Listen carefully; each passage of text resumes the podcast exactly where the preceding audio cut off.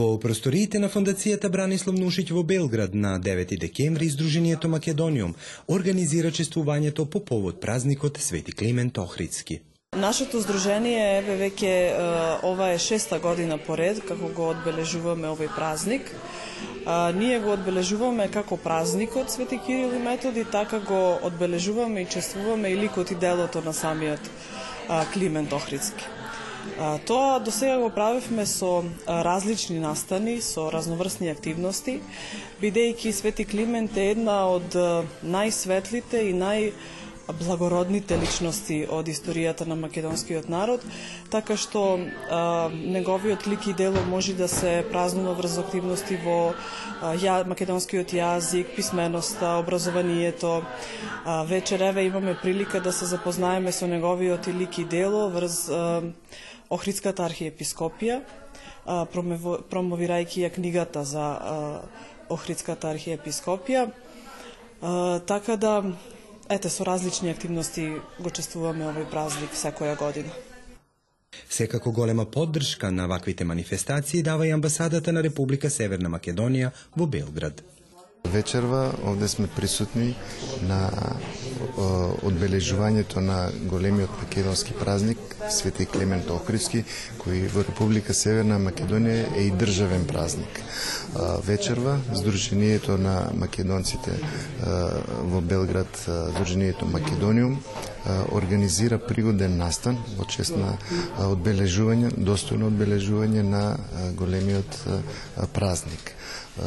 Што е значењето на Свети Климент Охридски? Свети Климент Охридски го продолжи делото на светите апостоли, Кирил и Методи, во функција на изучување на старословенскиот јазик, во писменување на луѓето, се зборува дека низ неговиот Охридски универзитет прошле дури 3500 ученици. Тоа е за тоа време огромна бројка на ученици. Со тоа докажале дека од дамнешни времења на географската тер, територија на Македонија се придава големо значење на образованието, културата, описменувањето на сите народи кои живееле на овој простори. Од тогаш па навака негова заслуга и создавањето на македонскиот јазик и култура кој ден денеска е самостоен, рамноправен јазик со сите други јазици во Обединетите нации. Директорот на Комисијата за односи со верските заедници и религиозни групи, господин Даријан Сотировски, во рамките на својата дводневна работна посета на Република Србија, присуствуваше на чествувањето на празникот на Свети Клемент Охридски во организација на Сдруженијето Македонија. Денес искрено говорам за тоа што го чувствувам пред вас, дека покрај радоста, како континуирано чувство, сум восхитен како млад човек пред се, кој што добил чест од државата во одреден ресор да ја представува и да работи за неја, што македонци во овој голем град се собрале и го одбележуваат неговиот лик и дело и молитвено се сеќаваат на нашиот најголем културен деец. Ова чувство, додека пеевте вие, нема да го заборавам никогаш и пред сите ви се заблагодарувам за тоа. Тоа е еден спомен за мене што секогаш ќе си го носам без разлика што кариерата или животот понатаму ќе ми донесе. Во рамки на мојата посета тука на Србија, имајќи во предвид дека денес прославуваме практично верски празник, збор два и околу нашите односи со Република Србија, ние немаме поблизок народ, ниту држава, ниту култура, менталитет, историја, споделуваме и слични вредности и заеднички гледишта за нашата иднина. Отамо сакам да, да информирам дека правам пионерски чекори за соработка во верските односи меѓу двете држави. Тие се пионерски, но суштински важни чекори за нашата држава, имајќи предвид и покрај сите квалитети што ги напоменав, дека само во верската сфера имаме несогласувања, а тоа не смееме да го дозволиме, штом сме толку блиски и треба многу поразлично да гледаме едни на други. Токму во, во тоа име ви благодарам што сте дел од заедницата која што твори култура и ја афирмира и ја заштитува нашата национална култура. И имајќи ве во, во предвид, знам дека имаме многу силна амбасада тука во, во Белград и само така можеме да се избориме за нашата национална посебност и целосна афирмација на нашата култура. За животот и делото на нашиот прв книжевник и просветител, Свети Климент Охридски и за книгата за некогашната Охридска архиепископија, говореше членот на Сдруженијето Македониум Илија Бетински. Што се однесува до книгата, она е посебно правена. Јас ја редактирав, така што е составена од повеќе делови од автори. Главен дел е на Стојан Новаковиќ, Охридската архиепископија во почетокот на 11. век, во која тој на еден брилијантен начин ги разработува хрисоволите што царот Василий II му ги дал на архиепископот Јоан, со кој ги признал сите episkopijivo Samuilovo to carstvo, iako to je go praktično zazemac Samuilovo to carstvo, odnosno ga dobiva bez vojna. I vo početokot na knjigata je mal moj tekst, potom je tekstot na e, Božidar Prokić, kratok tekst, zaključok od jedna knjiga. To je jedan izvoreden naučnik koji за кој јас имам впечаток дека не е популаризиран доволно. Меѓутоа, неговиот краток текст, тој заклучок е тако што кажува како и кога е настаната Охридската патриаршија во Самуиловата држава. Потоа е тој дел од Стојан Новаковиќ за Хрисовулите, па доаѓа еден дел со Хрисоволите во оригинал на старогрчки, кој јас го зедов од книгата на Голубински, краток преглед на историјата на словенските цркви, српска, бугарска и молдовлашка, руминска. Потоа следуваат тие Хрисоволите во оригинал, тука се дадени, па се дадени во превод на македонски јазик, па понив иде еден регистар на поимите што се спомнуваат во Хрисовулите. Во Хрисовулите се спомнуваат многу места. И тоа е интересно и за науката, бидејќи, на пример, јас за мене, бидејќи сум од Малешевскиот крај, најдов дека Малешево било познато уште во почетокот на 11 век, поради тоа што имало едно време била и епископија таму. Во културно-уметничката програма настапи ансамблот Македониум со прекрасни македонски песни.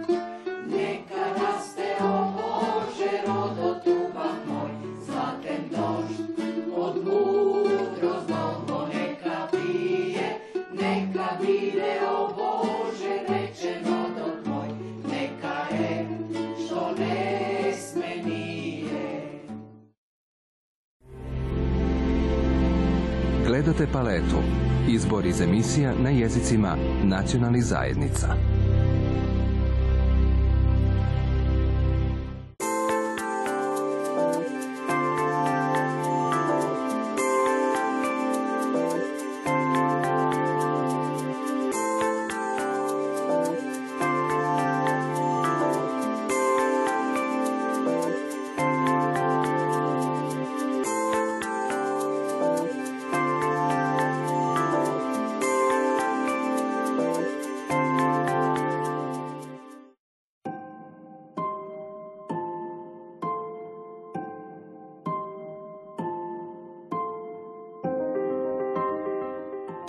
Културен центар Лаб во Нови Сад на 8 декември беше отворена изложба на серија илустрирани игри на зборови под името Сери Ништо на авторите Тања Аждаја и Брадестиот Џо. Името на изложбата е Сеир и Ништо. Името самото име е на македонски јазик и дури природата на самото име ја отсликува природата на илустрациите која што е илустрирани игри на зборови тоа се концепти од игри на зборови кои што ги пишувам јас, во кои што си како е, учествува и илустраторот Димитар Грчев или брадестиот Џо, како што го знаеме, е, и по тоа врз основа на тој концепт е, или тоа би требало да биде таков концепт кој што во главата на уметникот ги оживува тие ликови кои што се присутни во концептот, за да тој може на некој интересен начин да ги е, долови преку можеби нереални ликови, преку антропоморфозирани, па така е, ем, да, животни, инсекти, предмети, нешто што добива човечки лик во присуство на тој концепт. Сеир и ништо, сеир е збор со потекло од турскиот јазик, кое што кај нас уште се употребува и е, да речеме, доста карактеристична за македонскиот народ, иако не е баш најпозитивна, и значи ам, злорадо да се да се ситиш на, на нечија мака. А, тоа го имаме доста, а се вика така затоа што е од една страна игра на зборови, се или ништо звучи како се или ништо, а од друга страна така, делува интересно дека кај нас има има многу работи, ама има и сеир, а има и ништо. Тања е доктор на електротехнички науки, работи и живее во Словенија, а Димитар е машински инженер, живее и твори во Скопје.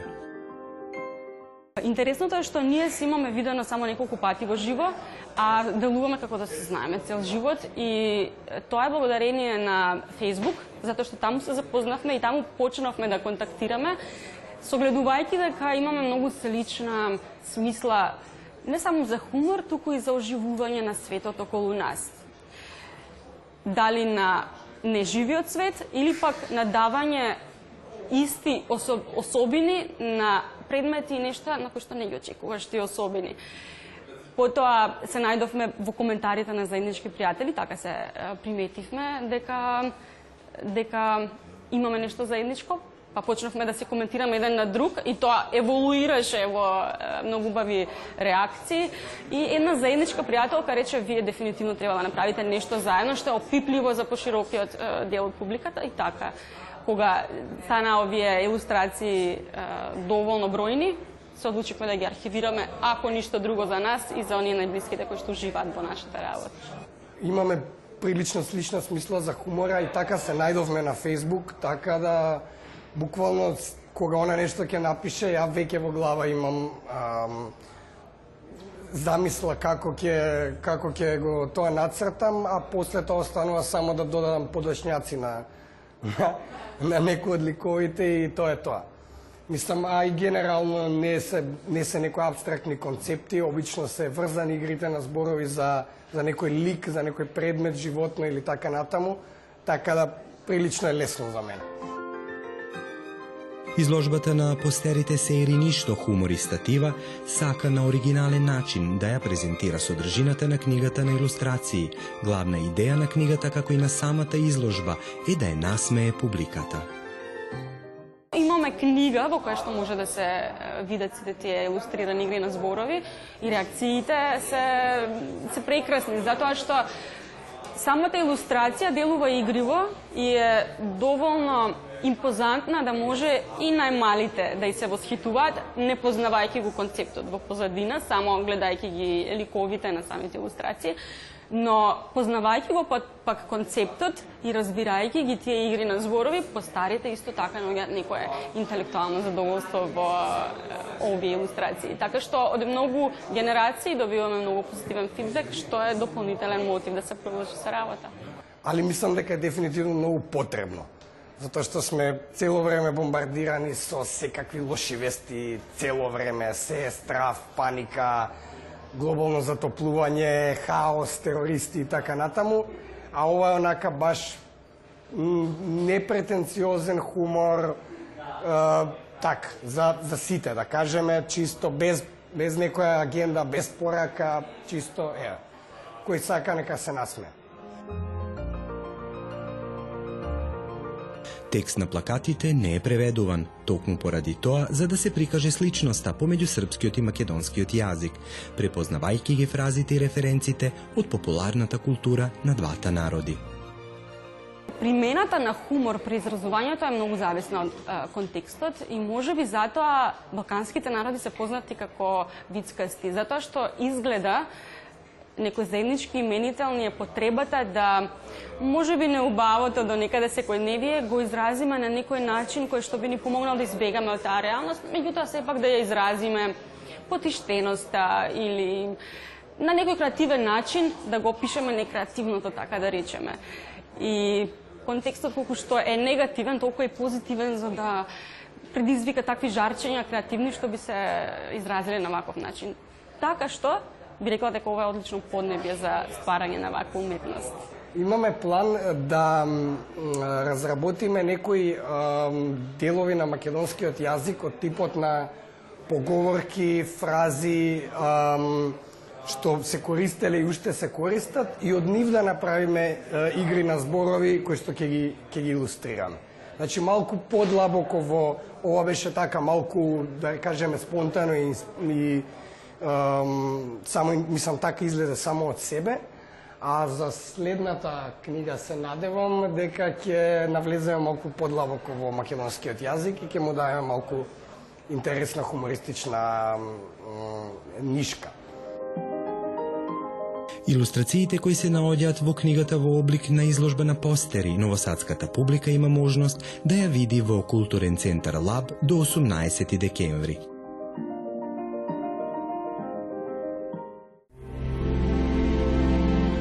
Gledate paletu. Izbor iz emisija na jezicima nacionalnih zajednica.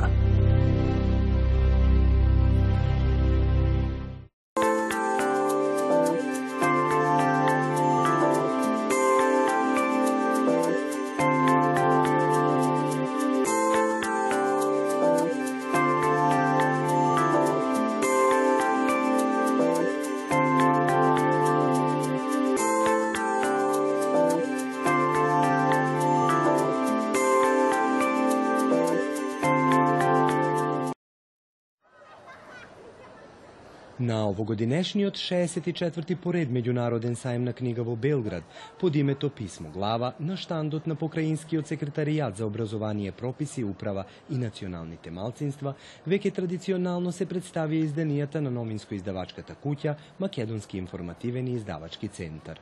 И ова година Македонскиот информативно издавачки центар овај се бави на свој начин онолку колку му е кесето долго, затоа што вие знаете дека ние за издавачката дејност не добијаме пари, но добијаме по овај правиме проекти и по основу на проектите добиваме некои средства кои ги користиме онака како најубаво можеме. Али гледате, ова година имаме неколку занимливи изданија, меѓу кои ова и бесконечни кораци на една прекрасна умна македонска поетеса која ова година е доби наградата Живко Стојановски, која традиционално е доделува Македонскиот информативен центар. Ова година имаме овај неколку на вистина значајни писатели кај нас и благодарејќи на тоа што тие сами си ги финансираат своите книги. Она што сакам да кажам дека на овој штан може да забележите дека сите сме ние едно. Тоа е добро од една страна, од друга страна може би треба да се размислува да сите малцинства си имаат свој идентитет и треба така да се представуваат. Овај, но моје не е да зборувам за тоа, моје е да само дадам една забелешка затоа што на овој прекрасен простор во кој книгата е, како што рекоа, еден од најтрајните споменици воопште, потрајни од секој споменик и од метал и од мермер. Зошто? Затоа што таја останува за вечна времења. Покрај списанието Македонска виделина, кое редовно излага секој месец, како и многуте книги, излезе од печат и новиот број на списанието за книжевност, култура и уметност Видело. Своите најнови изданија на овогодинешниот сајм на книга во Белград ги промовираше и Банатскиот културен центар. Покрај многобројните писатели кои ги промовираа своите изданија на српски јазик, беше и поетот од Прилеп Филип Димковски со својот препевна стихозбирка Заедно да растеме. Станува збор за збирка поезија за деца, објавена минатата година во Македонија, во 2018 која својот пат си го најде и до српската читателска публика, што е поддршка на она некоја моја желба и македонските деца да го негуваат својот македонски јазик, а и децата во Србија да се го негуваат мајчиниот. И постојано се трудам да ги поддржам и едните и другите. Многу се радувам што и во Србија и македонското и српското издание си го најдоа својот пат кај децата. Оваа книга е наменета за децата од раната училишна возраст, значи оние до трето, четврто одделение, па и во петто со деветто летката во Македонија. До сега се реализирани 15 промоции во Србија, Македонија и Хрватска. Правото место да да представите книгата за деца е во училиште. Затоа што на децата училиштето му е втор дом. Ако книгата не им се допаѓа, слободно може да ви кажат да си одите, бидејќи се тие многу искрени е, читатели и искрена публика. За среќа книгата помина одлично. Песни се рецитираат, се учат наизус, се прават проекти, наставниците ги користат во различни проектни активности, бидејќи книгата се однесува и на здравата храна, на природата, на екологијата и сето тоа им се теми и блиски и потребни за нивни развој и едукација, така што а, тие, пату, тие посети поминаа одлично и како што гледам не престануваат тук. Ќе има и нови средби со децата во Србија и во Македонија. Многу е важно да да видат дека писателот не е никој друг, дека е човек како нив и дека ете има дар да пишува, но тука тие може да го прашаат, да се сретнат, да разговараат, тоа е многу позитивно и добро. А, и тоа ги гради нив во читатели. Стануваат заинтересирани. Часовите поминуваат безпрекорно, нема гужви, нема нема деца кои се немирни, сите со задоволство слушаат и пројавуваат интерес. И така се остварува целта што повеќе да ја засакаат книжевноста. Пред се, штом децата ја сакаат, понатаму наградите што оваа книга ги доби се само потврда. Што ново се подготвува во моливот на овој плодоносен поет, Филип додава.